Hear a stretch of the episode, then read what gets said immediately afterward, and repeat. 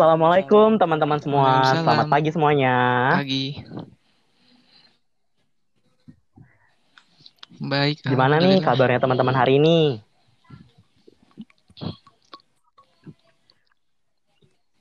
Alhamdulillah.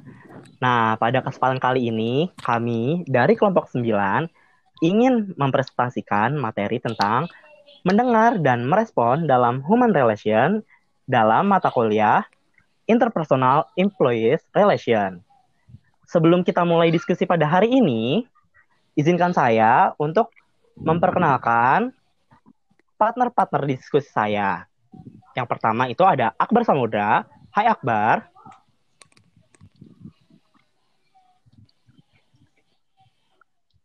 Oke, skip. Kita ke partner yang kedua, yaitu ada Halo. Fakih Muhammad Fauzan. Hai Fakih. Dan yang ketiga ada Halo. Rio. Adi Saputra. Hai Rio. Dan saya sendiri, yaitu Arif Ardiansyah. Oke, tanpa menunggu lama lagi, langsung aja ya kita mulai diskusi pada hari ini. Dan materi yang pertama akan dibawakan oleh saya sendiri. Langsung kita mulai aja ya. Yang pertama itu ada mendengar dan merespon. Dalam 9 prinsip of human relation yang sangat terkenal, menempatkan keterampilan mendengar sebelum keterampilan berbicara. Jadi, maksudnya mendengar dulu baru berbicara. Kenapa? Sebab jika seseorang terlebih dahulu mendengar, maka dia dapat memahami dan mengenal siapa lawan bicara, apa keinginannya, apa obsesinya, dan apa suka dukanya. Dan ketika kita berbicara, tentunya kita dapat berbicara tentang hal-hal yang disukai atau tentang yang tadi kita dengar sesuai kebutuhan si pembicaranya. Dengan demikian, hubungan kita akan semakin dekat. Jadi, dapat disimpulkan bahwa mendengar penting sekali dalam komunikasi dalam human relation, yang di mana fungsinya untuk membangun hubungan antar manusia. Mendengar dalam kondisi lisan mungkin bisa disertakan dengan menyimak dalam dunia tulisan. Maksudnya adalah mendengar dulu baru merespon, menyimak dulu baru menulis komentar.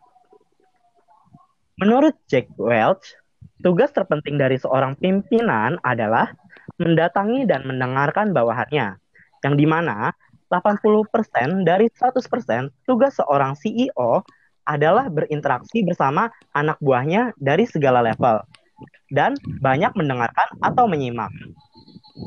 Dan berikutnya ada Stephen Covey yang menjelaskan tentang perbedaan antara mendengar untuk menilai atau untuk memahami dan mendengar untuk menyimpulkan atau mendengar untuk mengenal orang lain.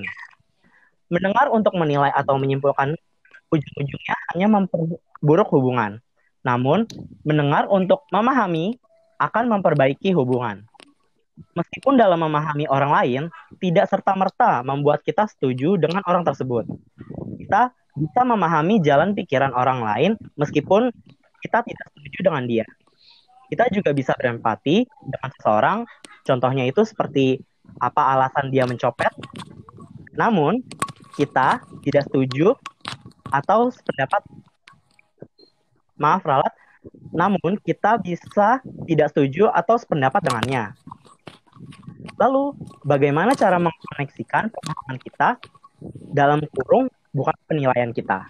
Contohnya seperti ini. Ketika saya bilang ke Anda, Anda sudah oke ya. Ini adalah sebuah kalimat kesimpulan dari saya. Dan akibatnya, perasaan orang yang kita tuduh tadi pasti merasa tidak enak. Coba kita ganti pernyataan tadi menjadi yang pertama, menurutku Anda sudah mabok. Dan yang kedua, menurut akulah Anda sudah mabok, tetapi bisa saja belum.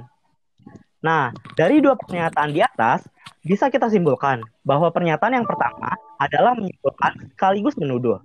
Karena karena itu adalah sebuah penilaian. Sedangkan pada kalimat pernyataan yang kedua, hanya dengan hanya dugaan kita bahwa dia sudah mabuk. Sehingga kalimat ini tidak akan membuat dia marah. Sebab hanya menurut kita saja dan hanya menurut kita saja dia mabuk. Tetapi dari pernyataan tadi, tindakan yang lebih tepat lagi adalah kalau kita meminta klarifikasi. Seperti, menurutku Anda sudah mabuk. Benarkah demikian? Dan jelas sekali dari pernyataan tersebut tidak ada kata menuduh dari dari kitanya. Hanya sebuah upaya pencarian untuk mengetahui situasinya.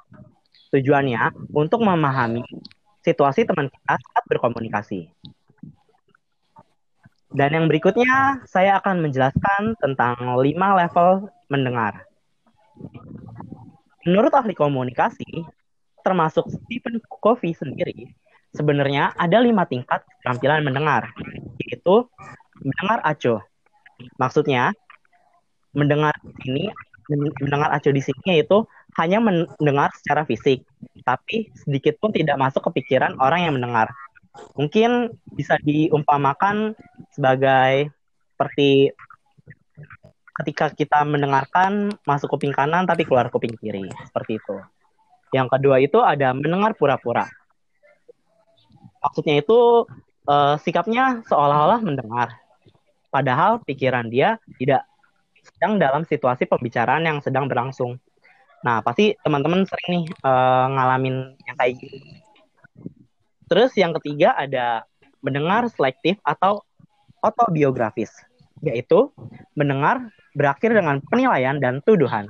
Sebab si pendengar langsung membandingkan jawaban orang lain dengan dirinya sendiri. Dan tentu saja dirinya yang benar. Nah, ada yang seperti itu nggak nih teman-teman? Dan selanjutnya yang keempat, yaitu ada mendengar dengan sungguh-sungguh. Sering disebut juga dengan simpati dan berakhir dengan pemahaman yang mendalam. Dan yang terakhir ada mendengar dengan telinga, mata, dan hati. Sering disebut mendengar dengan empati dan berakhir dengan sebuah tindakan konkret positif dari si pendengar untuk merespon pemahamannya yang mendalam. Oke, sekian saja penjelasan dari saya dan berikutnya akan dijelaskan oleh teman saya. Silahkan. Oke, selanjutnya ada pengertian dari komunikasi.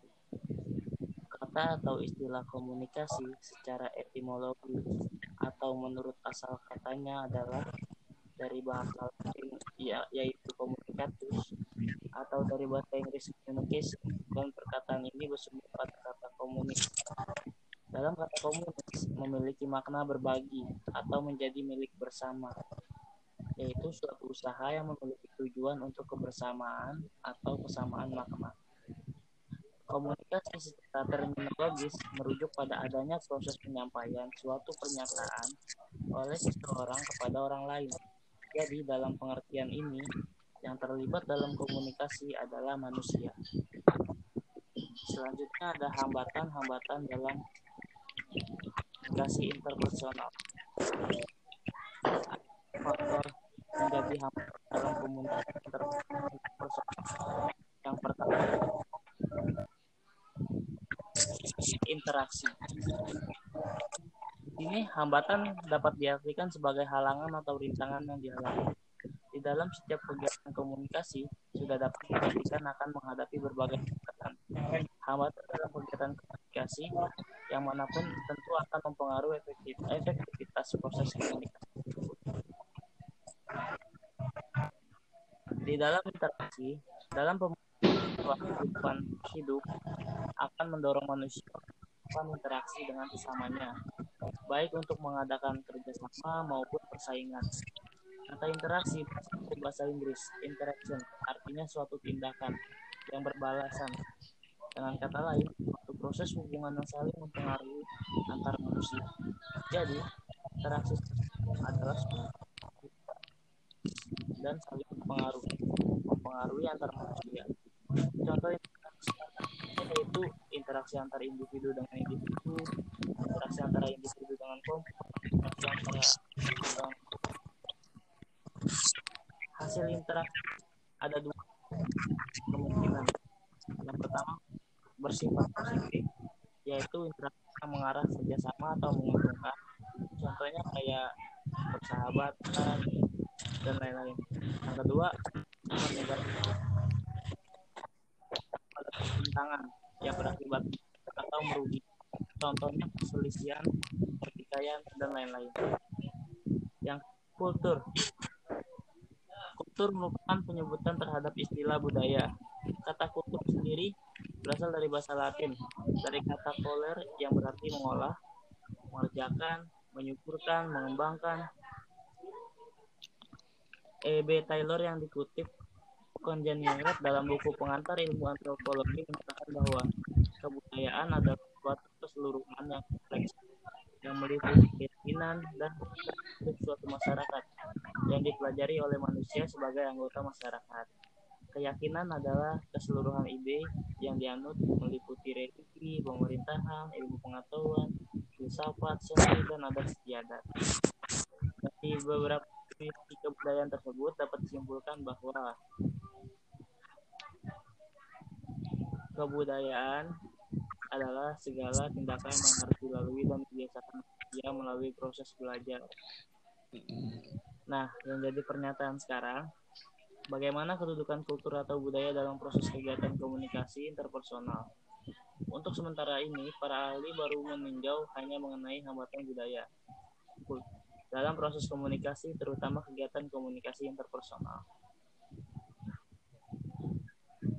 lintas budaya di antaranya menyampaikan pesan kepada orang yang berlainan kultur akan mengundang perbedaan persepsi terhadap isi pesan, sehingga efek yang diharapkan akan sukar timbul. Menyampaikan pesan verbal pada orang berlainan kultur tentu saja akan banyak perbedaan dalam bahasa, sehingga dalam proses kegiatan tersebut, selain hambatan dalam bahasa juga terdapat hambatan semenik yaitu perbedaan peristilahan dalam masing-masing bahasa. Jadi, perbedaan kultur juga mempengaruhi hambatan dalam berkomunikasi. Selanjutnya experience. Experience atau pengalaman adalah sejumlah memori yang dimiliki individu sepanjang pengalaman masing-masing individu. Pengalaman tidak akan sama, bahkan sepasang anak kembar pun juga tidak akan sama, walaupun dia dibesarkan dalam lingkungan keluarga yang sama. Perbedaan pengalaman antar individu bermula dari perbedaan persepsi masing-masing tentang suatu hal. Perbedaan persepsi banyak disebabkan karena perbedaan kemampuan kognitif antara individu termasuk anak kembar. Sedangkan bagi individu yang saling berbeda budaya, tentu saja perbedaan persepsi tersebut kemudian ditambah dengan perbedaan kemampuan penyampai, penyimpanan hal di, per, di persepsi tadi dalam penyimpanan sirkuit otak masing-masing individu tersebut menjadi long term memorinya. Setelah itu, perbedaan akan berlanjut dalam hal perbedaan kemampuan mereka memanggil memori mereka jika diperlukan.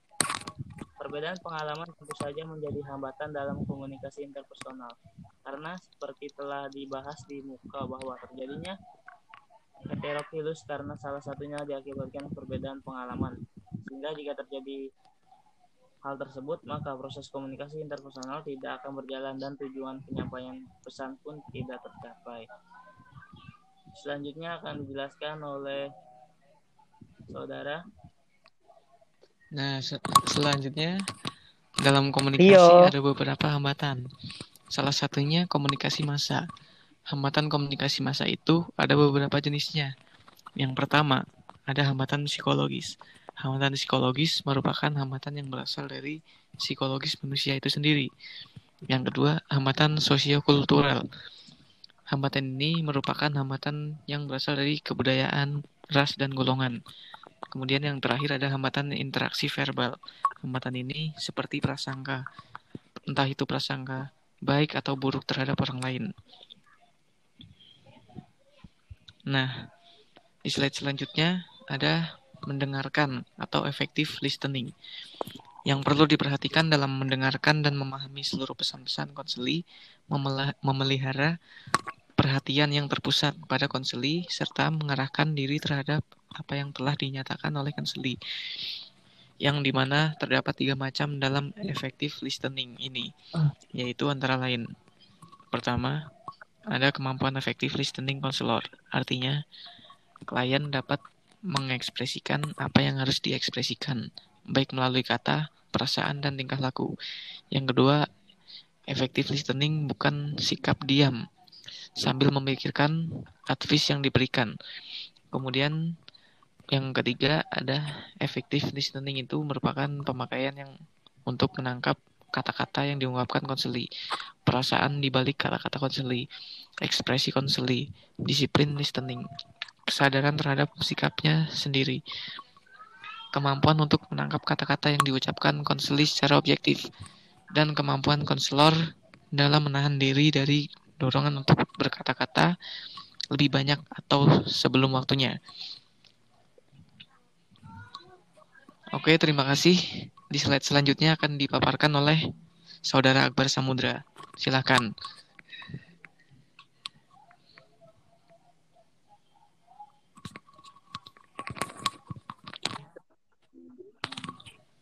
Ya, silakan Saudara Akbar.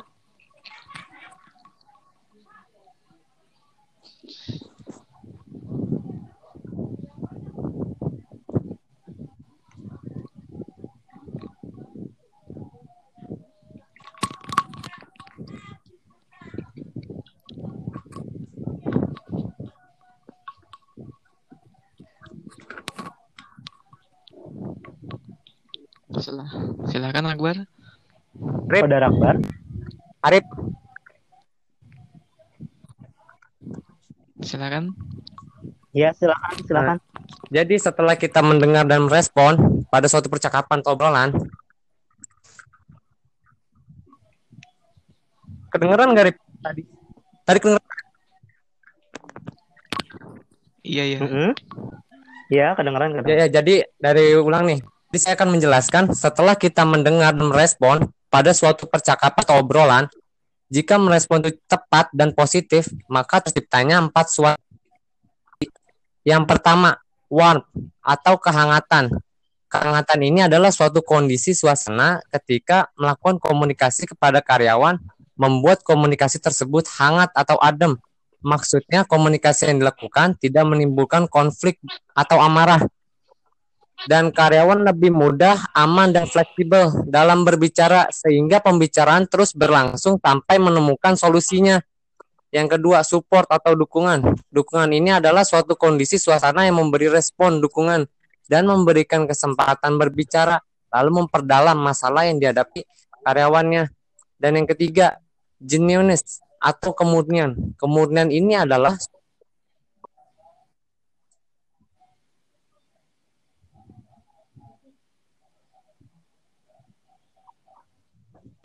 Ah, halo, Arif. Akbar.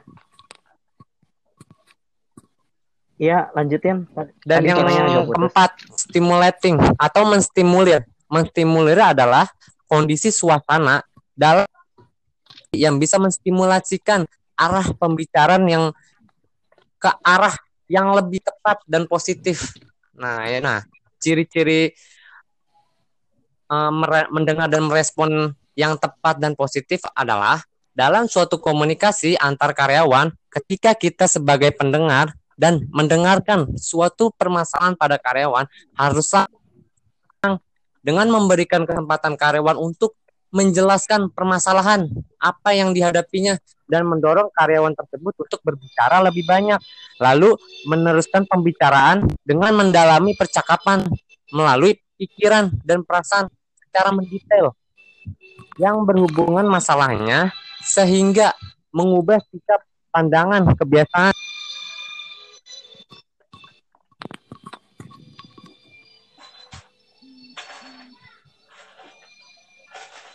Dilanjutkan lagi oleh Arif.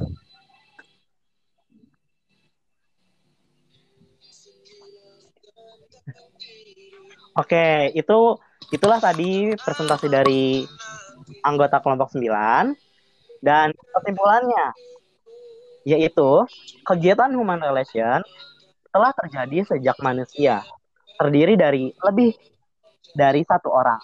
Hal ini juga berarti bahwa human relation merupakan suatu gejala sosial yang hampir setua dengan hidup bermasyarakat. Sasaran material dari human relation ini adalah manusia dalam kehidupan bermasyarakat, sedangkan sasaran formilnya itu menjawab ruang lingkup hubungan antar manusia. Di dalam konsep ilmu pengetahuan disiplin, ilmiah human relation termasuk dalam lingkungan ilmu-ilmu sosial dan mengalami perkembangan di bidang sosiologi, ilmu jiwa sosial, ilmu politik, dan manajemen. Perkembangannya maju dengan pesat setelah Perang Dunia Kedua berakhir. Sejalan dengan perkembangan organisasi, lembaga, perusahaan, dan industri-industri raksasa maupun dalam lembaga pemerintah yang menggunakan teknik manajemen yang akurat serta tepat guna. Berdasarkan dengan latar belakang tersebut, tidaklah mengherankan apabila kegiatan human relation banyak dikembangkan dalam dunia lembaga, perusahaan, industri, pemerintahan, maupun bisnis dan public administration. Dan sekian presentasi dari kami. Kami minta maaf apabila ada kesalahan kata dalam menyampaikan materi. Dan kami Wabillahi ucapkan taufiq kurang lebihnya mohon maaf. Assalamualaikum Terima kasih.